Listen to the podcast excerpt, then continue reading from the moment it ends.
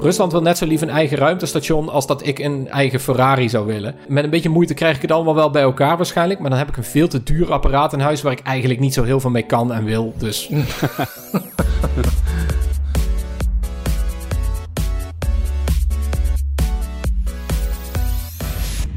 Hoi, leuk dat je luistert en welkom bij de Tweakers Podcast, aflevering 209 alweer. Mijn naam is Arnoud en ik zit vandaag aan de digitale virtuele tafel met Joris Jansen.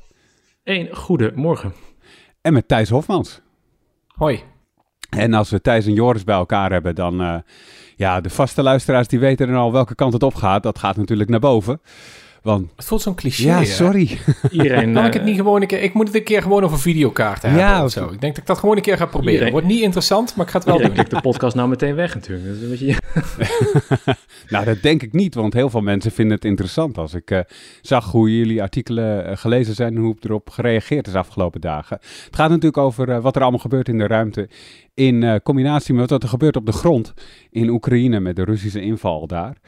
Uh, want Rusland bespeelt een belangrijke rol bij het ISS bijvoorbeeld. En uh, wat gebeurt er daarmee? Nou ja, daar gaan we het allemaal straks over hebben. Maar we beginnen natuurlijk bij de highlights. Thijs, wat voor ruimte ding heb je voor de highlights meegenomen? Nee, ik, mocht, ik wilde geen ruimte ding doen. ik wilde het gewoon lekker over hacken hebben. Dat, heb je de memo? Dat, dat ga ik de memo niet ontvangen, Thijs? Jammer, jammer. Hmm. Ja, ik negeer die gewoon. Nee, um, Okta is gehackt. En um, dat is een bedrijf. En dat, dit, is een hack waarvan je denkt van dit zou wel weer eens heel grote gevolgen kunnen hebben. Maar we weten er ook nog heel weinig van op dit moment. Um, afgelopen dinsdag is het alweer. Toen was er een, eh, een hackersgroep genaamd Lapsus. En die deelde ineens allemaal screenshots online en op een Telegram groep. Waarin ze zeiden van wij hebben Okta gehackt. En als je Okta niet kent. Geen idee. Is helemaal niet erg, want eerlijk, ik kende het ook niet echt. Um, maar dat is een identity management platform. En wat die eigenlijk doen is, um, um, als jij een groot bedrijf hebt, dan kun je Okta gebruiken als een clouddienst, waarbij jij van een afstand kan beheren welke gebruikers in jouw bedrijf waar toegang toe hebben en zo. dus ja, als dat gehackt wordt, dan, uh, dan ben je ver van huis. En die hackers die zeiden, oh jongens, we hebben toch zoveel toegang tot alles. We kunnen bij de interne Slack-kanalen en we kunnen bij, bij de workspaces. Maar ook, belangrijker, wij kunnen van alle klanten uh, kunnen wij de wachtwoorden resetten en misschien wel jatten. En ze speculeerden dat dat, dat, dat heel veel gevolgen zou hebben.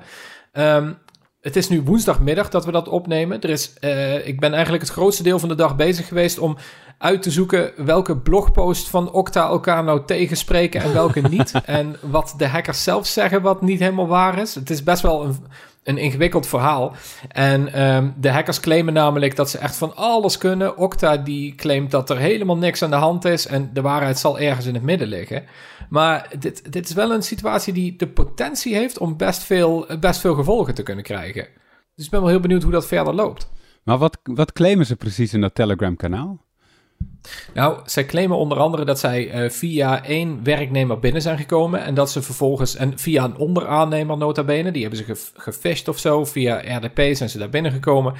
En vanuit die ene onderaannemer schijnen ze, zeggen ze, dat ze het hele bedrijf van Okta hebben kunnen overnemen, zo'n beetje. Of dat ze hebben kunnen meelezen in de Slack-kanalen en in alle inboxen en... en, en Um, ja, dat, dat klinkt allemaal nogal ver gezocht. Ja. Want als dat zo is, dan zou Okta de interne beveiliging niet helemaal goed op orde hebben.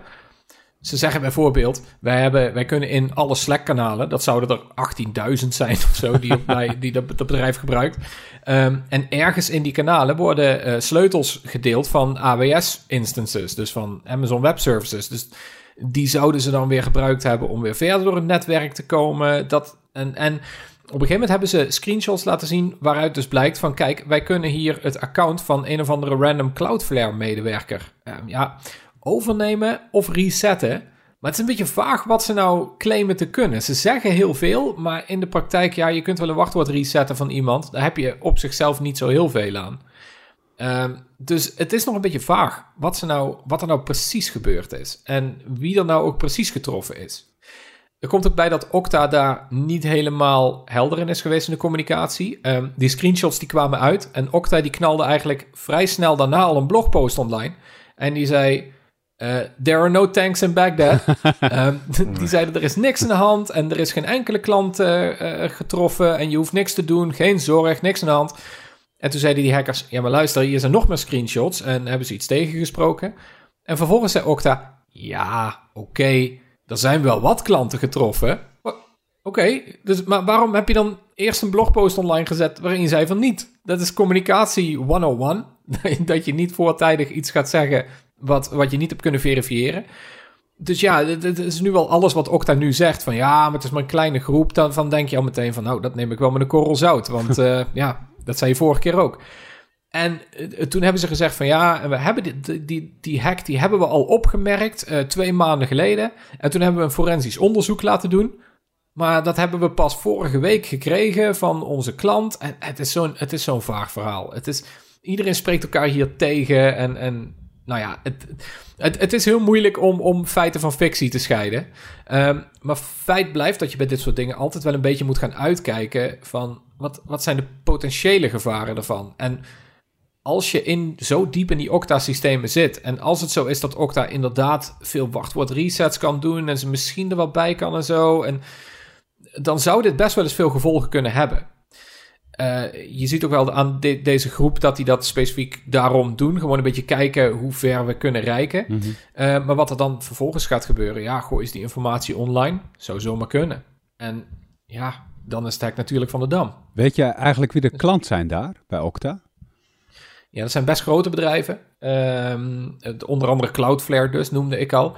Maar onder andere Microsoft, die zou er ook gebruik van maken. En niet voor heel Microsoft overal natuurlijk, want dat, daar is veel te groot voor. Maar voor bepaalde onderdelen van Microsoft, daar kunnen ze bij. Dus die lui, die hebben ook al, uh, of Microsoft heeft ook al toegegeven van ja, deze hackers die zaten in onze systemen. En die hebben de broncode van Bing en van Cortana weten te bemachtigen. Gefeliciteerd daarmee. Uh, kun je je eigen zoekmachine bouwen, I guess.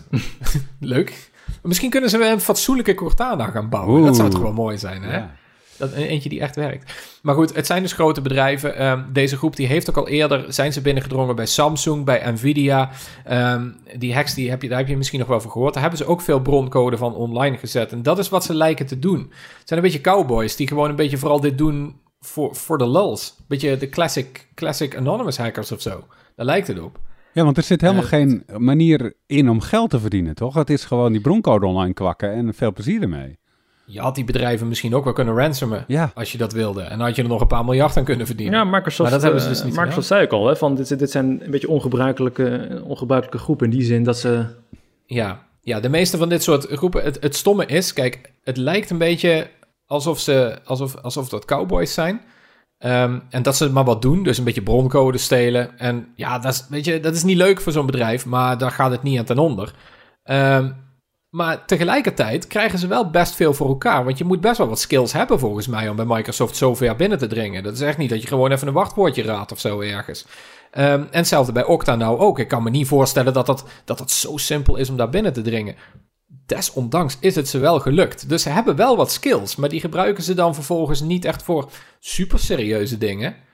Um, dus ja, het is, het, is, het is een beetje de vraag. Ja, dit... Overigens zeiden ze vanochtend in het Telegram-kanaal dat ze nu op vakantie gingen. Dus het is het ook, ja, geen idee wanneer ze weer terugkomen, wanneer we er iets van merken. Ja, ze zeggen schijnbaar van alles nog wat op social media. Soms kondigen ze ook gewoon aan hè, wat ze gaan doen. Van we gaan dan... Ja, is, ja precies. Ja. Het is best grappig om allemaal mee te lezen. Maar, maar ja. ik, ik, ik, mijn hoofd is helemaal in de war van deze hackgroep. Want we, we zien nu al jaren dat hackers kunnen...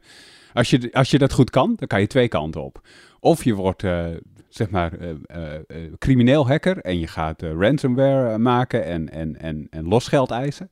Mm -hmm. Of je gaat bij een beveiligingsbedrijf werken en je gaat bedrijven helpen om... Good guys precies. Werken, ja. om, ja. of, of bij de politie of bij de recherche of whatever, maar om, om kwaadwillenden juist buiten te houden. Maar wat het, dit, wat er een beetje tussenin zit, want het is, het is kwaadaardig op zich, maar het is ook weer niet zo kwaadaardig dat ze er veel geld mee willen verdienen. Dat zien we echt al lang niet meer. Uh, nee, dat, het voelt een beetje zo, zoals wat je, wat, wat, ja, uh, de anonymous hackers van vroeger inderdaad, ja. die gewoon uh, voor, voor de credits ergens binnenkomen of zo. Dat, dat lijkt dit ook wel een beetje. Van de andere kant, ze zijn wel overduidelijk slecht natuurlijk, want het is niet alsof ze dit doen om een punt te bewijzen nee. of zo. Ze, en ze gooien deze informatie ook meteen online, alles wat ze vinden. Um, en ze, ze pochen er ook wel mee natuurlijk. Maar het is, het is overduidelijk dat ze, dat ze slechte intenties hebben. Maar eh, ze, hadden veel meer ze kunnen veel meer schade doen als ze het wat professioneler zouden aanpakken. En dat zie je met uh, die ransomware-bendes, met name die Russen. Um, die, die, die zijn de afgelopen jaren ook ontzettend professioneel geworden. En dan heb je het echt over groepen die gewoon, ja, die gewoon managers hebben. Waaraan ze verantwoording moeten afleggen. En inderdaad dus vakantiedagen kunnen opnemen. Um, en dat, dat, zijn bij, dat zijn echt industrieën. En van deze groep is dat niet echt heel erg bekend of zo. Je weet... Dus inderdaad, het is, een, het is een best wel vreemde situatie. Kun je ze een beetje profilen? Wat voor, wat voor mensen zouden dit nou zijn? Ja, eerlijk, ik, ik, ik weet het niet zo heel goed. Uh, ik ben me er ook nog volop aan het inlezen, want ik kende ze eerlijk gezegd ook niet zo super goed. Er zijn een paar ransomware groepen waarvan je meteen weet van, oh, dat zijn die van Conti, oh, die van, van, van, uh, van dit en dat. Maar deze groep was, ja, ik, ik kende ze van een paar hacks. Dus van die van Samsung en Nvidia. Dus ik ken ze van naam, maar wie daarbij zit of wat voor soort mensen dat zijn, nee, ik durf het eerlijk gezegd niet zo goed te zeggen. Is er een kans dat dit weer gewoon ouderwets een paar pubers zijn uit Drenthe of zo met een computer op een zolderkamer? Qua motivatie zou je denken van wel, maar qua skills lijkt me dat eigenlijk heel sterk. Dat, dat, dat lijkt me bijna niet mogelijk dat dit gewoon een beetje, ja, nee, zou ik niet zeggen, nee. Hmm. Maar goed, ja, ik ben geen rechercheur, dus ik hou het ook niet weten. Ik lul ook maar wat. Nou ja, maar, uh, doorgewinterde hackers je... zouden ook wel van kattenkwaad en een beetje puberaal uh, Ja, misschien, maar dan, dan, ja, ik weet niet. Ik, ik heb het idee dat ze dan wel eerder zouden zijn gepakt of zo, want hun opzeg schijnt ook niet zo super goed te zijn. En uh, dit, dus, ja, daar heb ik, heb ik iets van meegekregen hoor. Ik weet dat niet, niet helemaal zeker, moet ik eerlijk zeggen. Maar ja, het schijnt nogal cowboys te zijn, die maken al snel foutjes. En als je zo'n high-profile hacks doet, dan uh, ja, is de kans dat je daarmee wegkomt niet zo heel groot. Dat is wel waar. Maar ja. Hey Joris, wat heb jij uh, meegenomen vandaag? Ja, ik houd mij keurig aan die zogenaamde memo, dat het puur over ruimtevaart uh, hebben. ik dacht, um, hey, er is een leuke raket deze week tevoorschijn gekomen. Namelijk de SLS, of de Space Launch System. Die is opgetuigd in de VS. En dat, wordt het nieuwe supergrote raket uh, van de Verenigde Staten om naar de maan te gaan met het Artemis-programma. En dat is in die zin wel een heel interessant verhaal, dat het uh, echt weer een kolossaal duur project uh, wordt. ook sowieso leuk wat ze allemaal gaan bereiken. Ze willen natuurlijk naar de maan. Nou, ze willen de eerste lancering niet voor mei dit jaar uit mijn hoofd. Dus ze gaan geloof ik een stuk of drie. dus ze willen voor 2025 geloof ik iets van drie keer naar de maan. Maar in ieder geval, uh, nog dit jaar zou de eerste omhoog moeten gaan. Het is een kolossale raket die uh, iets minder groot is dan de Saturnus, die natuurlijk ooit hè, de Amerikanen voor het eerst naar de maan bracht. Mm -hmm. Maar hij is, uh, volgens mij is hij iets minder stuwkracht of iets meer, maar het, het, het zit ongeveer op datzelfde niveau. Um, maar wat zo interessant is, vind ik dan, is, is, is hoe ontzettend duur dat project uh, eigenlijk nu al is en hoe duur het eigenlijk alleen maar gaat worden. Want er is onlangs bekend geworden dat elke lancering gaat ongeveer 4,1 miljard dollar kosten. Wauw. En dat is ook onderverdeeld. Dat moet ik uh, onderverdeeld allerlei posten, maar in totaal komt het daar ongeveer op neer. Nou ja, je gaat er al een aantal lanceren tot, tot 2025. En als je dan de hele ontwikkelingskosten en alles bij elkaar optelt, uh, las ik een bron ben bij de NASA, die, die, die, die schat het in. Nou, daar hebben we ongeveer uh, 93 miljard euro uitgegeven tot zeg maar tussen 2012 en tussen 2025. Ja, dat is al veel duurder sowieso dan gepland, maar het is ook gewoon, het, het, het, is, het, het stomme is helemaal, als hij nou iets zou doen wat niemand anders zou kunnen, maar hij is ook compleet achterhaald inmiddels. Ja, wat, dat is, wat hij kan, ja. dus mensen naar de maan brengen en weet ik veel wat. Er zijn bedrijven zoals SpaceX die daar ook mee bezig zijn en die dat voor, nou, dat een procent van die kosten kunnen doen. In ieder geval voor minder dan 4 miljard per lancering. Het is die, die, die raket is inderdaad ooit opgezet met het idee van dit wordt de grote nieuwe raket. In een periode dat SpaceX eigenlijk ja, net wel, net niet bestond, maar in ieder geval nog niet heel ver was of zo. En dan helemaal niet zo drastisch goedkoper werd. En al helemaal niet zo groot en, en ver zou gaan als dat ze, ja, dat ze nu zijn. Ja. Dus dat is verkeerd ingeschat, ja. ja maar, dat, maar door die kosten zijn ze dus, zijn ze dus echt op zo'n al heel lang over zo'n point of no return heen.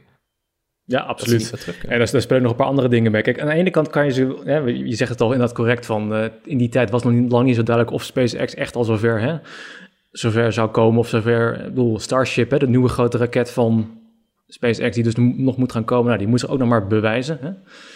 Uh, dus in die zin lees je ook wel wat commentaar van, ja, weet je, we kunnen niet al onze eggs in de basket van een Musk of misschien een hè, Jeff Bezos met uh, Blue Origin leggen, want ja, het zijn private bedrijven, daar heb je ook niet komt echt controle op. Eh, ze moeten nog maar waarmaken hè, wat, wat, wat ze willen gaan waarmaken. Dus in die zin hebben, ja, het voelt blijkbaar daarnaast in ieder geval de, de overheid van ja, we moeten dit zelf doen. Maar er speelt nog wel een ander ding natuurlijk mee en dat is banen. Want het is natuurlijk eigenlijk, het is bijna een soort van militair-industrieel complex dingetje. Wat, wat natuurlijk bij het Amerikaanse leger, hè, met de, die dwarsverband tussen de politiek, de wapenleveranciers en, uh, en het leger zelf. wordt ook, die, hij heet dus de Space Launch System, maar in de volksmond wordt hij ook al de Senate Launch System genoemd. ja, precies. Dat is, het is echt, dat is echt wat het is, want er zijn een paar, paar senatoren uit, volgens mij Alabama is het denk ik, hè, waar dit ding voornamelijk gebouwd wordt die, die, die draaien, eh, die zijn 100% verkozen op het feit dat ze zeggen van wij houden die SLS-ontwikkeling in onze staat en dat levert god weet hoeveel banen op. Ja. Ook, ja, ook al weten ze dat dat, uh, dat dat misschien niet helemaal nodig is of zo. Dat is eigenlijk al decennia een, pro ja, een probleem in het land. Dan, dan, ja, Zo'n politicus die kan niet zeggen van joh, we doen het niet meer. Want misschien wil hij dat wel, maar ja, dan kan hij zijn eigen verkiezingen kan hij wel... Uh, kan die streep doorheen zetten, dan wordt hij niet meer herkozen. Want dan ja. vliegen er natuurlijk duizenden, tienduizenden banen weg. Ja, dat is dan voor zijn eh, herverkiezing natuurlijk eh, dodelijk. En dus ja, om die banen... Dus ja, die senatoren die willen in die zin het, het gewoon uh, het handhaven. Hè? Die, ook voor de economie en de banen. En nou ja, goed. Maar Joris, jij, jij, jij, jij, ziet de kritiekpunten van dat ding. Ik inderdaad ook. Ik maak hem ook altijd graag een beetje belachelijk. Ja. Van, oh, daar gaan ze weer. Ja. Die gekke Amerikaan. Wat een stom ding. Ja. Maar toen die dus de, de Vehicle Assembly Building op Kennedy Space Center uit kwam rollen... Ah, ik had wel even kippenvel. Dat ik dacht van... Dat is ook, is al ja, dat was ook laatst sinds, ja, dat is ook een van de redenen waarom ik denk van... ik moet het nu toch even erover hebben. Ook kan ik hem niet laten zien. Want ja, het is wel een machtig mooi ding. En die, die, die, dit is nog maar de blok 1 versie. De blok 2 versie komt er nog een keer aan. Die wordt dan dus nog groter en nog zwaarder. En dan, wordt het, dan torent hij zelfs boven de, geloof ik, boven de Saturnus, uh, de hoogte van de Saturnus-raket uit. Die was geloof ik 110 of zoiets, meter. Ja. Dus het wordt wel een, uh, een giga ding, met even die uh, vaste raketmotoren natuurlijk aan de zijkant. En nou ja, dat, dat wordt wel een spektakel, maar ja. Ja, en, en natuurlijk de eerste keer dat er, dat er een nieuwe raket op Kennedy Space Center uit, uit, die, uit dat hele grote gebouw kwam rollen sinds wat, 2011 denk ik, hè? Ja. Space Shuttle. Ja. Dus dat is, het is allemaal wel een momentje natuurlijk. Het is wel een, een nieuw, ja, het is wel vet. Zeker, alleen het is ook weer zo van, hè, ja, recycling, ja, ho maar. Het is allemaal gewoon expendable. Ja. Het is allemaal, het gaat een keer mee en dan houdt het op. En dan is het in die zin weggegooid geld. Dus het is geen uh, trappen die... Uh, ja, en dat is ook een, een, mooi stukje geschiedenis daaraan. Die SLS die is eigenlijk... Um, daarmee zijn ze begonnen met het ontwerp. Toen de Space Shuttle, toen ze daarachter kwamen van overrek, die is eigenlijk veel duurder dan we hadden gedacht ja. en veel onveiliger dan we hadden gedacht. Dus moeten we daar eerder mee stoppen. Maar dan gaan we in plaats daarvan gaan we, we moeten wel een manier hebben om naar boven te blijven gaan. Dan gaan we de SLS bouwen, een nieuwe raket. Maar we willen niet weer dezelfde fouten gaan maken van met de Space Shuttle, eigenlijk mooi als dat hij was en geweldige dingen als dat hij heeft gedaan. We willen, dus, we willen een beetje terug naar de classics. Dus gewoon een raket met een capsule erop. Die raket die gooien we weg in de oceaan. En die capsule die komt gewoon ook weer terug in de oceaan. Die vangen we op. Net zoals we eigenlijk al sinds de jaren 60 doen. En dat was toen, het, toen de eerste ontwerpen voor die raket op de tekentafel lagen ook heel logisch om dat te doen. Want het is nu eenmaal gewoon, ja, je weet dat het werkt. Dus waarom niet? Alleen sindsdien is er dus zoveel veranderd met herbruikbare raketten, waar nu na SpaceX ook alle andere bedrijven op aan het inzetten zijn. Dus dat is een beetje jammer dat SLS, ja, het was op een gegeven moment, het, zat net, kwam net op het verkeerde moment daarvoor. Jammer dat die daar niet meer mee hebben kunnen doen. Ik geloof dat ze ook nog dezelfde raketmotoren gebruiken als die bij de Space Shuttle uh, ook al gebruikt werden. Ja, die, ja, ja, ja die, nee, dus, dacht, nee. Uh, ja. Dacht ik. Nou, of, of, ja, althans de, in de basis hebben natuurlijk wel een aantal dingen natuurlijk geüpgrade. Want ze moeten natuurlijk veel meer stuwkracht leveren. En ze zullen wel uh, gemoderniseerd zijn met alle elektronica erbij, et cetera. Maar volgens mij in de basis is het voor een deel nog vergelijkbaar ook. Dus nou ja, goed. Maar ja, als het werkt dan... Uh, het moet, moet wel werken voor 4,2 uh, miljard per lancering. Wel, ja. Dus ja. ja. Nou ja, het, het, ja, als het niet werkt, dan uh, probeer het gewoon opnieuw. En dan heeft de senator weer een paar uh, verkiezingen lang heel veel baan in zijn staat. Ja, je het ook nog hebben over, ja, hoe, hoe uh, het is uiteraard leuk, hey, we gaan, hè, of, of, ze gaan weer naar de maan, maar ja, hoe nuttig en geweldig dat allemaal is, kun je ook een hele boom over opzetten, maar... Nou, vertel, hoe nuttig is dat om naar de maan te gaan? Ja, eigenlijk niet. Het, het komt op mij heel erg over als prestige. En ze, ze, ze pakken natuurlijk wel heel mooi van, ja, bij allerlei wetenschappelijk onderzoek enzovoort. En ze gaan natuurlijk wel veel meer doen dan uiteraard voorheen op de maan is. Uh, er zijn, wel, zijn best wel omvangrijke plannen, maar... Het maanprogramma is ook voornamelijk ondergezet opgezet onder uh, Donald Trump nog. En het, heel duidelijk met het idee van NASA moet niet meer aan wetenschap gaan doen en die flauwe klimaatflauwekul, wat, wat Trump natuurlijk vond. Maar hè, prestige, Amerika weer eh, first en eh, dan, dus we moeten een maanmissie gaan doen. Dus ja, toen hadden ze zoiets van, nou, we hebben nog een grote raket staan, die we dus dadelijk, ja, die kost wel 4 miljard, maar goed, we hebben hem en hij is voor de maan reizen. Dus, en ja, het, dat is vooral een prestigeproject inderdaad. Kijk, uiteindelijk, deze raket is natuurlijk dermate zwaar dat, dat die behoorlijke lading natuurlijk ook veel verder nog het heelal in kan sturen. Dus richting Mars, als dat ooit een ding zou worden. En nog verder is hij natuurlijk ook wel heel geschikt voor. Dus stel je, je hebt ook nog echt grotere wetenschappelijke missies die er in de toekomst aankomen. Dan is hij daar ook bruikbaar voor. Dus nou ja, wellicht. Maar het blijft wel een beetje een, een, een oplossing op zoek naar een probleem. Ja. En wanneer gaat hij de lucht in?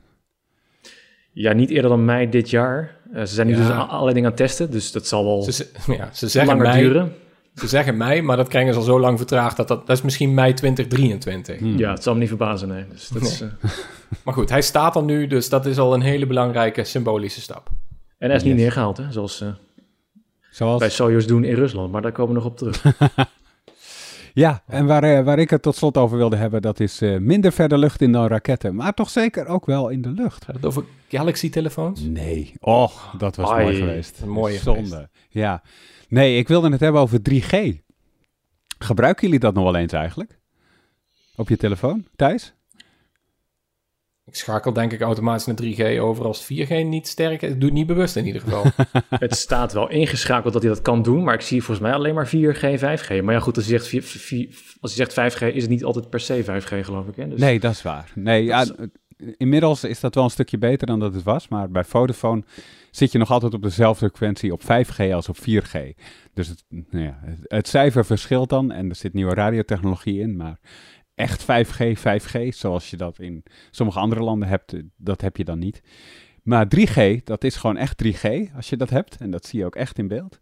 Maar um, het gaat langzaamaan verdwijnen. Althans, Vodafone heeft 3G al een paar jaar lang uitstaan op zijn netwerken. Dus op Vodafone heb je gewoon geen 3G meer sinds 2020.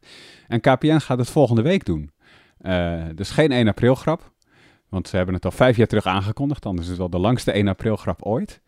Ja, het is 31... Onderschat die communicatieafdelingen niet, hè? Hebben ze dat vijf jaar geleden op 1 april aangekondigd? Dan, uh... Nee, maar het staat gepland voor 31 maart. Dus ze kunnen zeggen op 1 april, haha, grap, 3G is er nog Zegt tegenwoordig ook niet zoveel meer, maar nee. vooruit, ja. ja.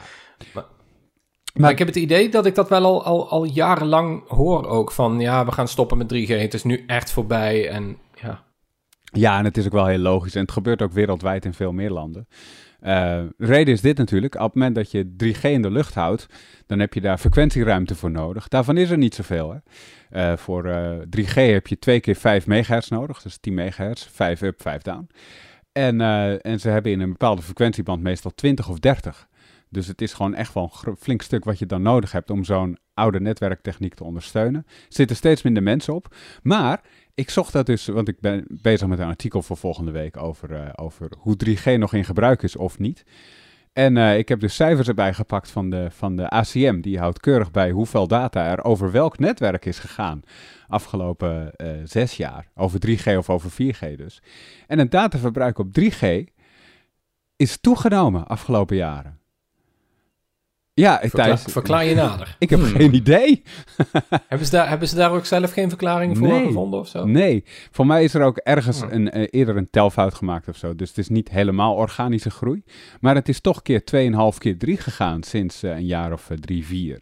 En dat is best dat wel behoorlijk veel. veel. Maar hebben we het dan qua volumes ook echt over flinke volumes? Want, want misschien is het, was het al dermate weinig, is het drie keer niet, niet echt superveel qua volume? Of is het echt wel een voorstel? Dat nou, 4G groeide gewoon veel meer. 4G zit voor mij rond de 315 terabyte per maand, als ik de juiste eenheid gebruik. Dat is altijd lastig met zulke grote getallen. En dan zit uh, 3G zit dan op 30, 25, 30 terabyte per maand. En dat was dus 10 tot 12 een paar dat jaar geleden. Wel, uh, en je hebt het over, over een paar jaar. Als ik, als ik hoor van in vergelijking met twee jaar geleden, dan denk ik meteen van oké, okay, wat heeft corona hieraan veranderd? Ja, dat vroeg me ook af. Het is, de, de stijging is sinds ongeveer eind 2020. Dus ik kan me niet voorstellen dat het echt iets met corona te maken heeft. Ik heb wel proberen uit te zoeken welke apparaten gebruiken nou nog 3G. Ehm, en, uh, want op telefoons, ja, het werkt wel, maar waarom zou je dat in vredesnaam doen? Want 4G heeft geen enkel nadeel ten opzichte van 3G. Uh, dus als je dat hebt, dan uh, zullen de meeste mensen 4G ingeschakeld laten. Maar er zijn natuurlijk wel apparaten die wel serieus geen 4G hebben. Zoals, en dat had ik nooit bij stilgestaan, auto's. Er zijn uh, nog massa's auto's op de weg die uh, geen 4G-modem hebben, wel een 3G-modem en langs die weg allemaal data doorpompen. En die gaan er dus ook last van hebben als het modem niet geüpgrade is. Een oude Tesla Model S bijvoorbeeld, of een Volvo V60, of nou, nog heel veel andere modellen. Die hebben gewoon zo'n 3G-modem aan boord als ze gebouwd zijn tussen ongeveer 2010 en 2015 om en nabij. Dus ja, die... Uh, misschien zeg je eigenlijk dat, dat auto's van een paar jaar oud straks geen internet meer hebben, omdat de providers zeggen van we trekken de stekker daaruit? Ja, klopt. Zeker als een, bedoel, bij Vodafone was het zo. Bij KPN wordt het nu zo vanaf volgende week. Dus hangt er vanaf welk, met welk netwerk hij verbinding maakt. Als je als dat niet uitmaakt, dan kan er ook nog altijd een T-Mobile simkaartje in. T-Mobile gaat namelijk 2G uitzetten, is daar ook al mee bezig. Maar 3G blijft dan wel in de lucht. Oké, maar dat zal ook niet eeuwig, uh, eeuwig duren. Nee, ik denk het ook niet. Maar daar hebben ze nog niet echt een, een, een plan voor gemaakt. Uh, maar als, als het alleen via KPN kan in je auto, ja, dan ga je terug van 3G op 2G. En dat ga je wel merken. Want als je weet ik veel, streaming audio doet via het systeem van je auto en dat werkt via de 3G-verbinding, ja, dan heb je wel een probleem over 2G. Of als er bepaalde updates gedownload moeten worden en je zit niet op wifi, dan duurt het ook wel extra lang over 2G, want daar zit heel weinig bandbreedte op. Dus, ik heb nooit zo bij stilgestaan dat dat zo'n probleem zou kunnen zijn. Ik bedoel, je weet natuurlijk van op een gegeven moment is die, is die computerhardware in de auto ook wel verouderd, maar nooit zo bij stilgestaan dat, dit dan, dat het dan daadwerkelijk niet meer zou werken op deze manier. Ja, ik ook niet. Ja, ik geloof dat van allemaal van die, van die trackers, hè, die je ook wel in auto's inbouwt om uh, je, je, locatie te bepalen en zo. Ook voor de Belastingdienst soms wel handig kan zijn voor bedrijven. Dat, uh, dat werkt voor mij allemaal nog op 2G. Dus die zit ja. ook wel een beetje van shit, we moeten naar iets doen. We moeten natuurlijk weer upgraden. Maar 3G, ja. Wat zou er nog meer... Uh...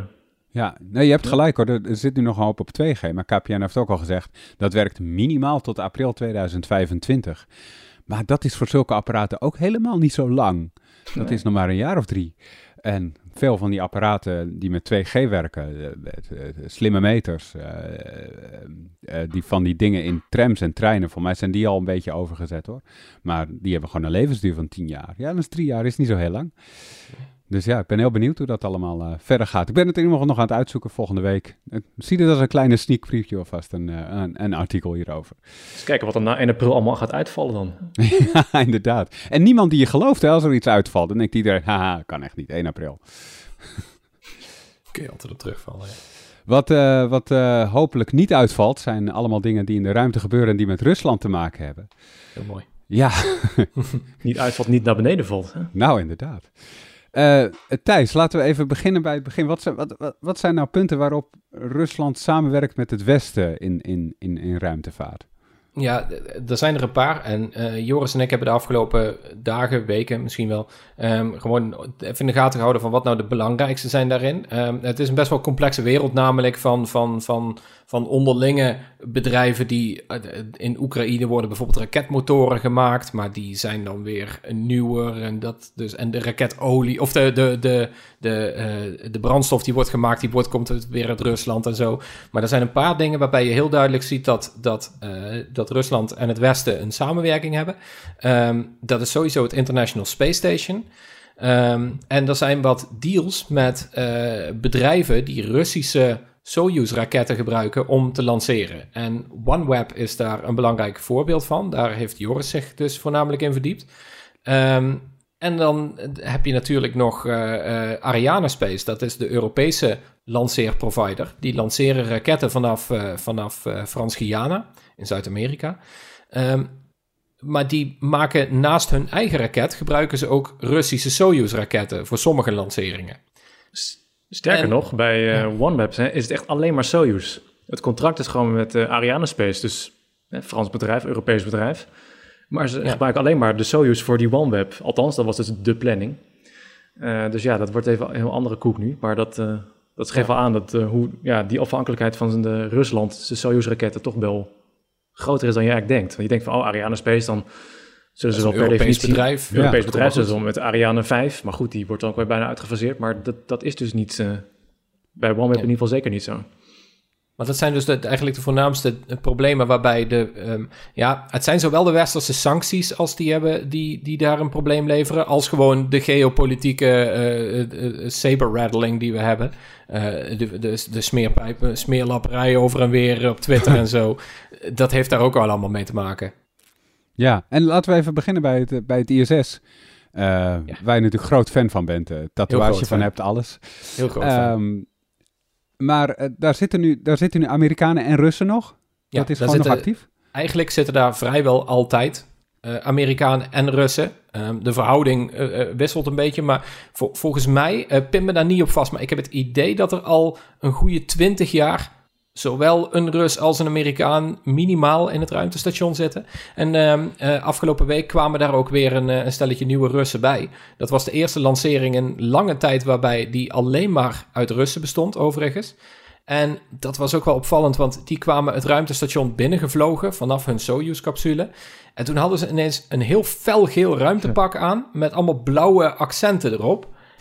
En dat, nou, we weten inmiddels wel hoe de Oekraïense vlag eruit ziet. Dat kon mhm. bijna geen toeval zijn. Dat, dat, dat, daar moet een ondertoon in hebben gezeten. Ze houden er heel wijselijk hun mond over. We hebben ja, geen idee wat het betekent. Ze hebben allemaal op dezelfde universiteit gezeten in Rusland. Oh, dat was het, ja. kleuren daarvan zijn geel en blauw. En daarom hadden ze het aangetrokken als eerbetoon aan hun opleiding. Precies. En, maar de onder, de, de, het was niet subtiel in ieder geval. Maar ehm, dat geeft misschien wel een beetje aan dat... Ja, hè, hier op aarde is het nog steeds hommeles. Maar daar in de ruimte je zit toch in, uh, in een heel kleine ruimte met op dit moment tien mensen. Um, ja, het is krap en je moet samenleven daar. Ook als je, als, als je leiders op aarde problemen hebben. En dat is eigenlijk het mooie van het International Space Station... is dat dat altijd een beetje de samenkomst is geweest tussen die twee waarden... Um, van, van, van ja, de westerse wereld en de Russische wereld. En daar gaat dat allemaal nog goed. En dat is op dit moment ook nog wel het geval. Nobelprijs ja? voor de Vrede is wel eens geopperd van moet dat... Uh, ja. Het ISS wordt, uh, wordt regelmatig echt al... Dat is een campagne die al, al, al zeker tien jaar zie ik dat voorbij komen. Ieder jaar als, wordt er opgeroepen van... dat het, we moeten het ISS uh, eh, nomineren voor de Nobelprijs voor de Vrede. Want hè, we hebben hier op aarde hebben de Krim annexatie gehad, we hebben de Brexit gehad, we hebben, we hebben al die, die, die, die, we hebben dit allemaal gehad en nog steeds blijft dat ding vliegen. En nog steeds gaat het redelijk goed daar. En je bent daarvoor, dus, neem ik aan. Je wil dat die Nobelprijs naar uh, ISS zou gaat. Dat heel, zou dat heel mooi vinden, ja. Maar goed, dat is helaas weer niet aan mij. Niet. Maar uh, ja, maar het, het, het gaat tot nu toe nog wel goed, ja. Maar hoe, hoe gaat het met de ISS? Want behalve samenwerken is dat ding toch bijna aan zijn einde? Sowieso, gewoon Ja, en, en, en dat wordt een beetje inderdaad het grote vraagstuk van hoe lang laat je dat ding nog vliegen? En dat was in de afgelopen jaren al een beetje een vraagstuk. De, zowel NASA als Roscosmos als al die andere partners die eraan meedoen, die vroegen zich al een beetje af van ja, hoe lang kunnen we hier nog mee door? En het is wel de vraag wat deze oorlog in Oekraïne nu gaat betekenen voor, voor die toekomst. Kijk, het idee was altijd toen ze dat ISS omhoog stuurden, die zou tot om en nabij 2020 blijven vliegen. Ja. En toen hadden ze er op een gegeven moment zoveel geld in gestoken. En het bleek zo'n succes te zijn. Zowel wetenschappelijk, eh, ja, wetenschappelijk wat minder, maar gewoon een succes als in die samenwerking. En dat, dat, dat beetje holistische ideaal. Dat was zo succesvol dat iedereen ook zei van ja, we moeten hier gewoon mee door. En toen is hij elke keer met één of twee jaar de levensduur verlengd. En het, toen werd het tot 2024. En nu hebben de Amerikanen al besloten van ja, we willen hem eigenlijk tot minimaal 2030 laten vliegen. Um, ook omdat Amerika zegt van wij hebben nu op dit moment een hele grote industrie in de ruimtevaart. Uh, SpaceX, Blue Origin, uh, allemaal, allemaal andere bedrijven. Die willen allemaal iets met het ISS gaan doen. Um, en dan willen ze eigenlijk zeggen van ja, het zou zonde zijn als we dat ding nu omlaag gooien. Laat ze maar omhoog gaan, daar een paar jaar geld mee kunnen verdienen. En dan, uh, ja, dan zien we dan wel verder. Alleen dat is een beetje de vraag van kan dat nog wel? Want in de afgelopen maanden of jaren hebben we heel vaak gezien dat dat ISS, uh, eh, dat, het gaat daar niet zo goed mee. Er zitten gaten hebben, zijn erin en er zat een of andere mysterieus gat in wat ze maandenlang niet hebben kunnen vinden. en, en, en ja, het, is, het, het, het valt eigenlijk van ellende bijna uit elkaar. Het kost ook steeds meer geld om het te onderhouden. Er moeten steeds meer astronauten naartoe. Die hebben steeds meer werk aan uh, het onderhoud van dat station in plaats van wetenschappelijke experimenten. Dus het is niet meer zo heel aantrekkelijk voor veel partijen om, ja, om dat te blijven doen. Want al die miljarden die je eraan besteedt, het kost Amerika op dit moment 3 tot 4 miljard euro per jaar om dat ding in de lucht te houden. Wauw, dan kan je toch een lancering van, de, van die andere Zeker raket van één SLS-lancering. Maar je kunt van, met 4 miljard kun je natuurlijk kun je, kun je zo ontzettend veel meer dingen doen die veel nuttiger zijn dan maar rondjes in, in een lage aardbaan blijven. Dus ja, Ja. da- daar zitten ze altijd een beetje mee van, hoe lang kan dit nog doorgaan? En nu is het dus de vraag van, nu hebben we die oorlog en heeft Rusland eigenlijk gezegd van, wij willen helemaal niks meer met Amerika te maken hebben en vice versa natuurlijk ook. En dat is een moment dat je kunt zeggen van, ja, moeten we dan wel doorgaan tot 2030? Moeten we niet al eerder de stekker uit dat ding trekken? En is er, ook een, is er ook een mogelijkheid om het te splitsen? Zeg maar dat het Russische deel en het Amerikaanse deel Ja. apart doorgaan? Ja, nou, dat, dat is dus iets waar ik, waar ik ook al meteen mee aan dacht. En heel veel mensen met mij natuurlijk. Van, kun je dat ding uit elkaar trekken? Kun je de Amerikaanse gedeelte laten zeggen van wij gaan door. En het Russische gedeelte, hey, wij stoppen ermee. Of andersom, zou dat lukken?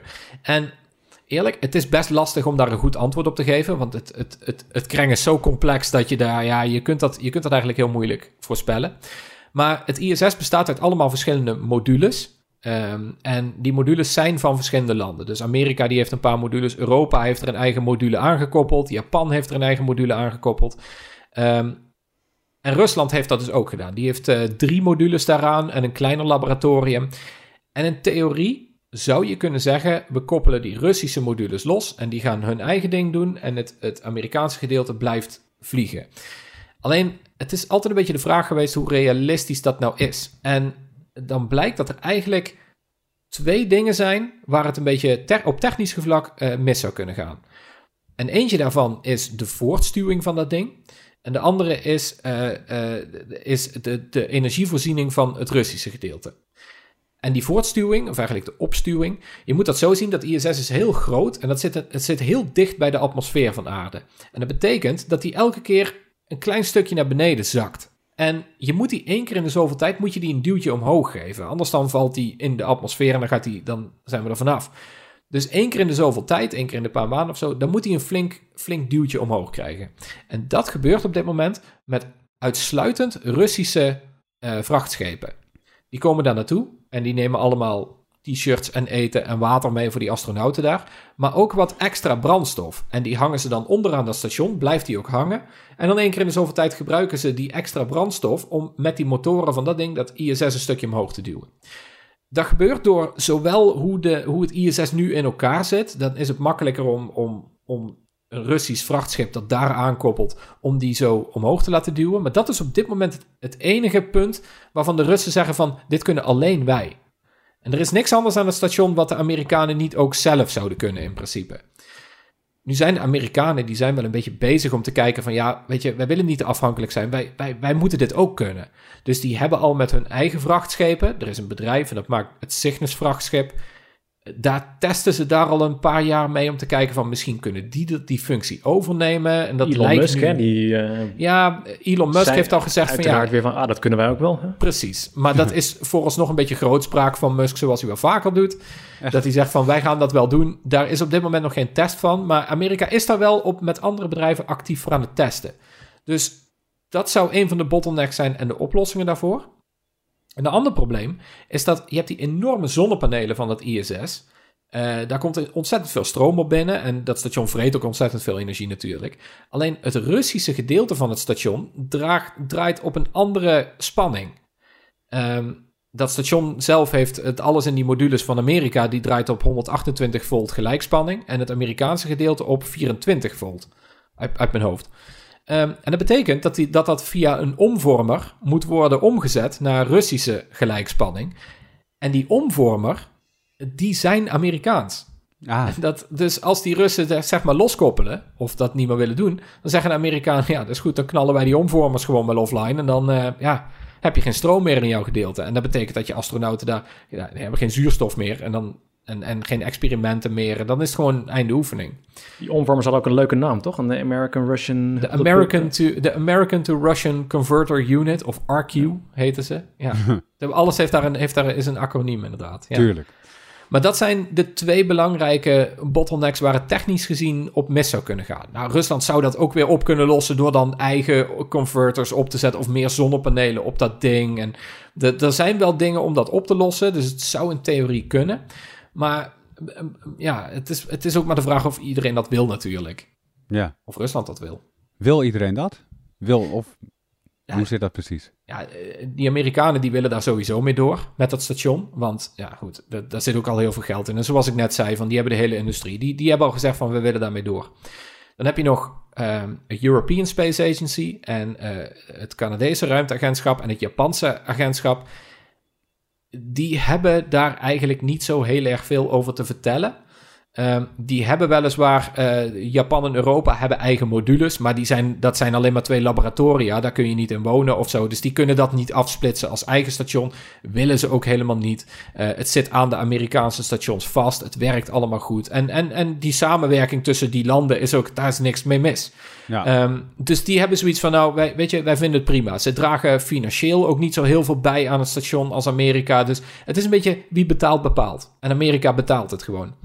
Maar de vraag of Rusland ermee door wil, is natuurlijk wel de vraag. Want dat land zegt natuurlijk, ja, eh, wij willen op dit moment ook helemaal niet meer afhankelijk zijn van Amerika.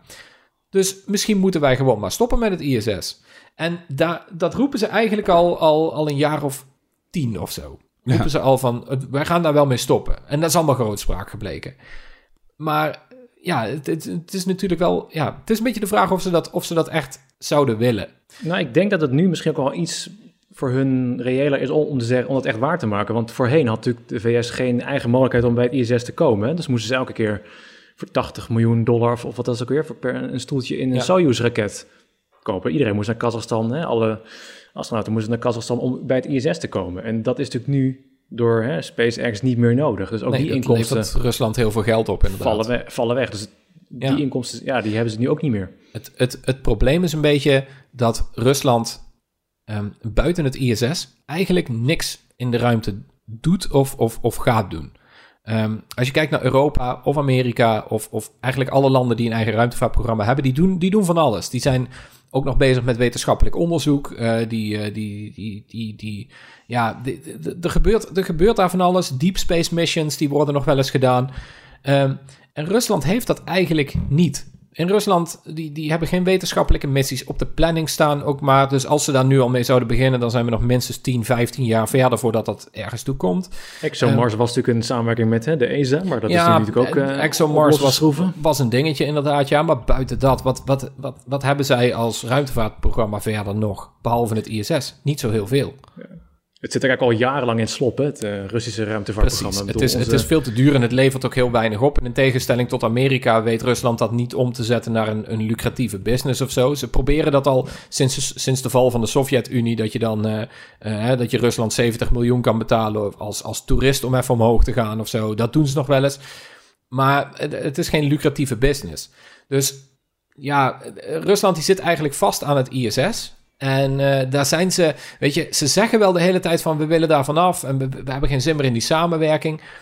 Maar ja, dat willen ze helemaal niet. Dat is eigenlijk vinden ze dat wel prima zo.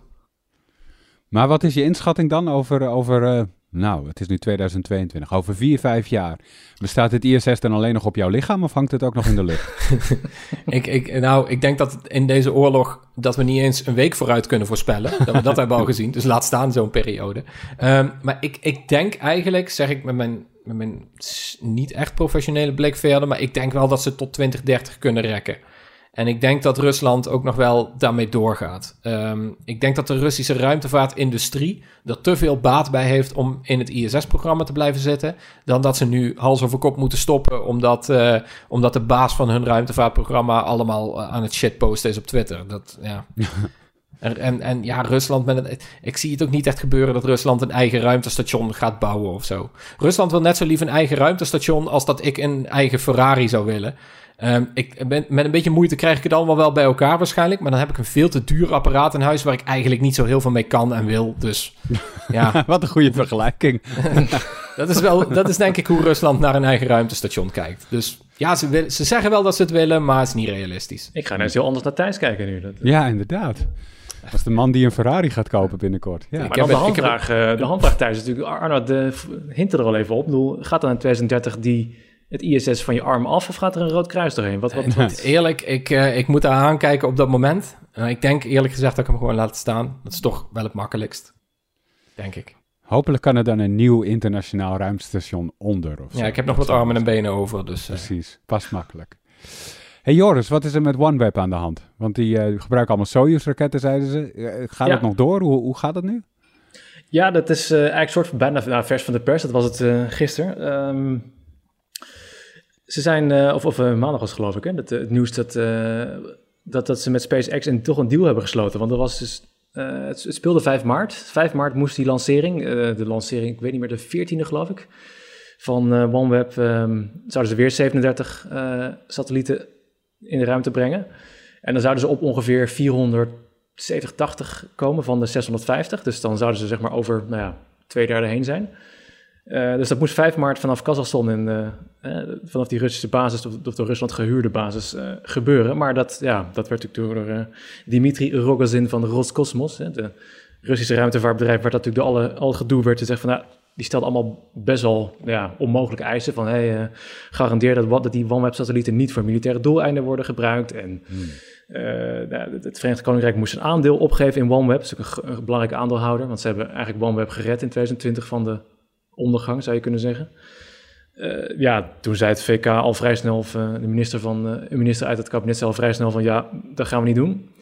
Dus ja, toen ging die lancering niet door en tevens daarmee eigenlijk alle andere geplande Soyuz-lanceringen van OneWeb ook niet.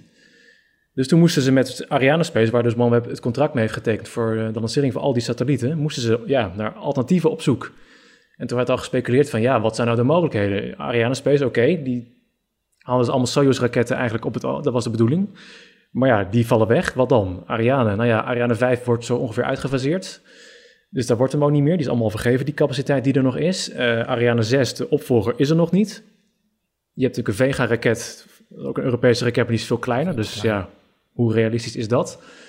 Ehm, India is best een serieus, serieuze optie. Want er is ook een heel belangrijk eh, gro- groot Indiaas bedrijf die aandeelhouder is, ook in OneWeb. En die wil ook allerlei dingen gaan aanbieden in India met die satellieten. Wauw. En India heeft ook best wel een ruimtevaartprogramma wat, wat best wel wat voorstelt. Alleen de vraag is, was wel meteen van ja, oké, wat, wat... Daar werd dus niet heel snel concreet over. Van ja, wat betekent dat dan? Hoeveel kunnen er per... eh, met die raketten vanuit India dan de lucht in? Hoe gaat dat in zijn werk? Dat was allemaal een beetje natuurlijk speculeren. Ehm, uiteraard werd er aan SpaceX gedacht, want ja, dat is natuurlijk eigenlijk de meest logische optie. Hè? Het is natuurlijk relatief goedkoop om met een Falcon 9 omhoog te gaan. Ik die brengen al eh, het, de laatste tijd eh, iets minder dan 60, eh, maar goed, nog steeds rond de 40 eh, Starlink-satellieten gewoon omhoog. Dus ja, dan kunnen de OneWeb-satellieten daar ook gewoon, zou je zeggen, hup, in mee omhoog. Maar ja, SpaceX of Starlink is natuurlijk eigenlijk een concurrent hè, van OneWeb in zekere zin. Ook niet helemaal, maar toch ook weer wel. Ja, heeft SpaceX dat nodig? Hmm, niet per se. En er zijn best wel wat eisen die natuurlijk gelden en pro- protocollen waar ze aan moeten voldoen. Dus ja, dat was ook niet zomaar een 1-2'tje. Maar ja, dus inmiddels is het bekend geworden kort eh, dat eh, SpaceX en OneWeb een overeenkomst toch hebben gesloten. Dus waarschijnlijk dacht Elon Musk of SpaceX dachten toch van ja, oké, dit levert ons weer extra geld op. En ze hebben waarschijnlijk toch wel in een opslagplaats nog best wel wat gebruikte boosters liggen die... En eh, het is, het is voor SpaceX natuurlijk ook wel een beetje een reclame dingetje. Zo van, kijk, Ja. als je problemen Ja, ja. hebt, dan kom je lekker bij SpaceX. Wij regelen dat wel. Zeker, Ja. ja. En, wat, en wat ik al net wel zeggen, dat de, ze hoeven ook niet meer extra dingen te, te produceren per se. Van, oh shit, we moeten nu OneWeb... eh, hè, we- dus we moeten, als, als we wieder weer gaan, meer raketten gaan produceren. Want in feite hebben ze natuurlijk nog wel wat gebruikte boosters liggen. Dus ze zouden volgens mij relatief eenvoudig dat, dat in hun schema kunnen inpassen. En dan hebben we het ook niet over de duizenden raketten of eh, satellieten die eh, SpaceX voor Starlink zelf wil eh, lanceren. Het gaat nog om, nou ja, iets van ruim 200 of zo, die ze dus nog moeten lanceren. Ja, dat zou je dan, met wat zou het zijn, een stuk of vijf lanceringen al wel eind, een eind moeten kunnen komen. Dus Maar eventjes, Ja. dat, want OneWeb heeft daar natuurlijk al voor betaald, hè, voor die, voor die Soyuz-lanceringen. Ehm, dat geld krijgen ze niet terug. klopt, dat geldt van, eh, van het die eh, voelt een beetje als diefstal. Ja, die, die lancering van 5 maart, die dus vanuit Rusland moest plaatsvinden. Dat, dat, die Rogozin, hè, of hoe- als ik het goed uitspreek, Dimitri, die, eh, van Roscosmos, die, eh, die zei van ja, dat geld houden we lekker in Rusland, want het is al betaald en dat kunnen wij wel goed besteden. Kan toch Dus Als Ja, je het is- überhaupt terug zou kunnen boeken, want dat is ook nog een probleem vanuit Rusland, denk ik nu. Maar is- even, ja. even terug naar die eisen, want OneWeb, dat is toch gewoon satellietinternet? Waarom is dan een eis een probleem dat het niet voor militaire doeleinden wordt gebruikt? Ja, ik denk dat ze, dat is, dat is ook- voor een deel is het ook een beetje gewoon trollen en, en, en ja, redenen zoeken om maar eh, dwars te zitten. Maar er zit in zoverre wel iets in dat, eh, er zijn eigenlijk twee dingen. Alle- allereerst, OneWeb is ja, internet-satelliet eh, verbindingen, maar als je op de OneWeb site gaat kijken, zie je best wel heel veel toepassingen waar ook gewoon militair gebruik gewoon echt benoemd wordt en er gewoon tussen staat. Ah, Dus dat is, ik bedoel, daar daar maken ze op hun website ook niet bepaald geheim van, dat dat prima in militaire context is in te zetten. Dus daar zit wel wat in. En wat daar waarschijnlijk ook nog wat bij meespeelt, is dat, kijk, SpaceX is natuurlijk, of eh, Starlink is natuurlijk nu sinds kort ook actief in Oekraïne. Daar heeft natuurlijk, eh, hè, die, eh, die Oekraïnse minister Fedorov, die heeft daar eh, natuurlijk eh, direct op Twitter van, hey, Elon Musk, we hebben ze hard nodig, stuur graag wat meer van die schotels. Nou, de, Elon Musk was natuurlijk niet, ja, die was natuurlijk graag, graag bereid om daarop in te springen. En naar verluid zijn er nu ongeveer al duizenden best goed werkende. Ik las ergens een bron van 5000 wellicht eh, Starlink schotels die dus al in Oekraïne ja, geleverd zijn en daar werken. En Ja. dat is in die zin niet dat dat dan ook meteen direct eh, gebruikt wordt voor het geleiden van raketten en, enzovoorts. Maar goed, voor drones zou dat voor een deel al wel kunnen. Maar het is ook gewoon voor communicatie natuurlijk heel belangrijk. In, in theorie, eh, ze, ze hebben ook al de mogelijkheid een, eh, ontgrendeld om die schotels of het, de verbinding ook gewoon on the move te gebruiken. Dus je hoeft niet meer per se op, op je geregistreerde adres, dat, dat het puur beperkt is tot een vaste locatie. Je kan dus ook gewoon in beweging blijven gebruiken. Dus ja, dan maakt het natuurlijk nog aantrekkelijker om het wellicht door militairen, maar ook gewoon door burgers of overheidsfunctionarissen gewoon te gebruiken om ja, communicatie te houden. En in een oorlog is natuurlijk het ja, verhinderen, het storen van communicatie wel echt een belangrijk deel Ja. natuurlijk. Dus als je hiermee, ja, ondermijnen ze in feite natuurlijk ook een deel de nou ja, Russische strategie. Dus als dat met Starlink kan, dan kan dat in theorie, zou dat natuurlijk ook met OneWeb kunnen. Althans, zo zullen ze in Rusland waarschijnlijk enigszins denken. Dus dat is denk ik ook iets wat, eh, wat hier meespeelt. Ja. Maar dit is voor het eerst dat ik hoor van dat Starlink gebruikt zou kunnen worden voor militaire doeleinden. Ik dacht gewoon, die mensen willen internet blijven houden en als eh, alle kabels uit de grond ge- geschoten worden, dan kun je nog via satellietenverbinding maken. Is, dat is het toch gewoon of zijn er echt ook andere toepassingen? Nee, nee, dat, dat, het is in feite gewoon puur internet. Gewoon een burger, ja, burger, het is gewoon voor burger, burgerlijke doeleinden. Maar Ja. je kan natuurlijk wel in, in- indirect, als een, een soort van in een militaire context. Wat weerhoudt soldaten ervan om, om, om, om dat te gebruiken om toch in verbinding te staan met, hè, of, of misschien militairs niet, niet zozeer, maar meer overheidsfunctionarissen, de, de Oekraïnse overheidsonderdelen, die kunnen die natuurlijk ook in, gewoon gebruik maken. En dus ja, dus, dus dat kan. En die risico's zijn in die zin ook wel aanwezig, want daar heeft eh, SpaceX ook al voor gewaarschuwd. Hè? Dat, eh, ze hebben ook al gewaarschuwd van pas op met het gebruik hiervan. Doe het alleen als het echt nodig is, want Rusland heeft wel geïnvesteerd in capaciteit om nou ja, die signalen te detecteren en te kunnen verstoren. En als je ze kan detecteren, kan je ook herleiden waar ze vandaan komen. En dan kan je natuurlijk in zekere zin ook gewoon, hup, dan ben je simpel gezegd, een bom erop eh, hè, waar, het signaal vandaan komt. En dan, ja, dat is natuurlijk niet wat je wilt. Dus dat, het, het, het is niet zonder risico's om het te gebruiken. Dat is wel, eh, dat is wel duidelijk. Ja, en even terug naar OneWeb. Is, het, het, het, het is nu duidelijk dat het, dat het wel doorgaat of staat het nu toch weer even stil? Het staat nu wel stil, maar want ze hebben, ja, ze hebben geloof ik gezegd dat de eerste lancering die moet nog dit jaar plaatsvinden. Mhm. Maar meer zeggen ze niet. Het is verder allemaal nog vertrouwelijk. Dat hebben ze ook hardop gezegd van ja, de details zijn vertrouwelijk. Dus we weten niet hoeveel lanceringen door worden ze allemaal door SpaceX gedaan. Nou, dat zal wel nu, denk je dan. Maar het enige wat ze dus hebben gezegd is ja, de eerste lancering vindt nog dit jaar plaats. Punt. En dus hoeveel satellieten er per raket straks omhoog gaan of dat is allemaal nog onduidelijk. Maar het, het staat nu stil. Maar goed, ze hadden de ambitie OneWeb om dit jaar echt een hele constellatie te voltooien van die 650 eh, satellieten. Dat zullen ze nu waarschijnlijk wel niet halen. Maar goed, nu die deal met SpaceX er is, ja, met enige vertraging lijkt het toch nog wel te gaan lukken dat ze het gaan voltooien. Ja. hey, en even een... Ja?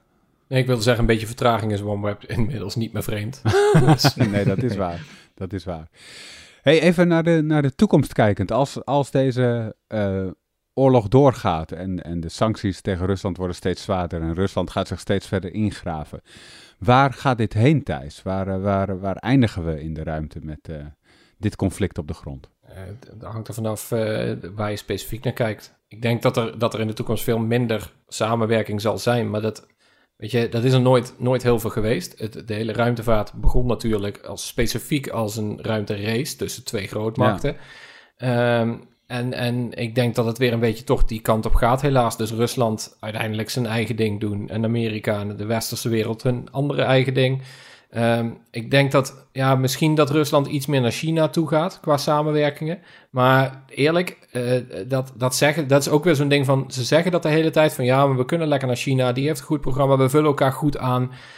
Maar in de praktijk zal daar ook niet zo heel veel uitkomen, denken experts ook. Die zien daar niet heel veel, echt een heel vruchtbare toekomst in. Er zullen vast wel wat samenwerkingen zijn hier en daar, maar ik denk dat dat wel meevalt. En ik denk wat dat betreft dat de Russische um, ruimtevaartindustrie in het algemeen, dat die ontzettend hard gaat lijden. Dat werd ook specifiek gezegd toen bij de eerste sancties die door Amerika werden opgelegd. Toen noemde Joe Biden al van ja, we, deze sancties raken met name de hoogtechnologische sector, waaronder de lucht- en ruimtevaart. Dus dat is een van de eerste die hier echt onder lijdt. Ook omdat ruimtevaart, ja, weet je, het kost heel veel, maar het levert niet zo heel veel op, economisch. En Rusland gaat hoe dan ook daar de komende, komende heel veel jaren last van hebben. Van die, van, op economisch gebied.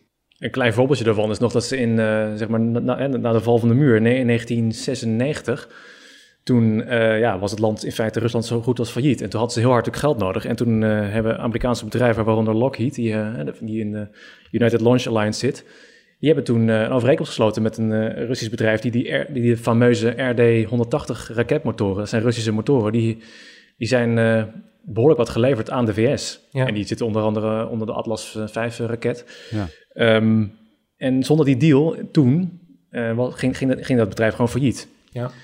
Uh, dus ja, dat, dat scenario dreigt voor dat bedrijf, maar ook anderen natuurlijk eigenlijk weer. Van ja, als die samenwerkingen allemaal weer verdwijnen, dan ja, en dan gaat ook die industrie natuurlijk. Maar er wordt al heel lang, heel lang gewerkt aan, uh, aan het opheffen van die samenwerking. Hè? Dus je ziet al, je ziet al heel lang dat um, de United Launch Alliance is bezig met een toekomstige raket. En die, de enige motoren die ze daar nog hebben, die hebben ze al binnen en die komen nog uit Oekraïne. Maar daarna gaan ze gewoon lekker naar andere producties toe. Uh, dus op, op, op dat gebied is er niet zo heel veel uh, essentiële samenwerking meer waar, waarin Rusland die andere landen nodig heeft. Of eerder gezegd andersom. Klopt, en, dat is waar. Ja, Dus dan en, uh, blijft... uiteraard, SpaceX werkt ook aan zijn eigen Raptor, de methaanmotor. En de Blue Origin van Jeff Bezos doet in feite ook zijn eigen methaanmotor ontwikkelen. Dus Daarom. Wat dat betreft is er in de VS behoorlijk wat innovatie op dat vlak. Dat, uh, ja, dus ik denk dus die noodzaak wordt alleen maar kleiner. Dus in de, in, in de toekomst denk ik dat Rusland er net zoals met veel andere dingen helemaal alleen voor gaat staan. En dan is maar de vraag wat die dan nog kunnen überhaupt op ruimtevaartgebied. Het zal niet heel veel zijn. Ik geloof dat ze wel het idee hadden om de Soyuz weer, weer te gaan upgraden. En dan met die RD-80, ja. die RD-180 motoren. Nou ja. ja. Maar het is in feite natuurlijk voorborduur op een uh, ja, verouderd ontwerp zou je kunnen zeggen. Ja. ja. Dat lijkt me een uh, goed uh, moment om een punt te zetten. Wil ik uh, tot slot nog even vooruitkijken naar wat er komende week op de site gebeurt. We hebben een paar mooie verhalen die eraan komen. Collega Daan heeft een mooi verhaal aan de stijger staan over chiplets. Dus het samenvoegen van delen van chips om, om, om betere chips te maken in feite. dat komt de komende week aan. Ehm, en we gaan het natuurlijk hebben over het datacenter van Meta in, in, in Zeewolde. Uh, daar, uh, daar komt er een mooi verhaal van aan van uh, collega Stefan. En Thijs, jij hebt een, een mooi interview gedaan volgens mij. Ik heb, ja, ik heb staatssecretaris Alexandra van Huffelen, de eerste bewindspersoon van, of, ja, bewindspersoon van digitalisering, gesproken. Mm -hmm. Dat was op zich een interessant gesprek. Alleen toen sloot ze af met dat, dat wij toch een interessant blad met een grote oplage hadden. toch een beetje jammer. Maar ligt, uh, was ligt verder... hier altijd op mijn kantoor. Ja, ja. was, was, was verder een uh, interessant gesprek. Dus dat uh, krijgen we volgende week ook online, ja. Yes, hartstikke leuk. Nou, dat is genoeg om te lezen komende week. dank jullie wel dat jullie erbij waren vandaag. jij bedankt voor het luisteren. Als je feedback hebt, dat kan in de reacties onder de punt geek of via podcast.tweakers.net. En tot volgende week. Doei.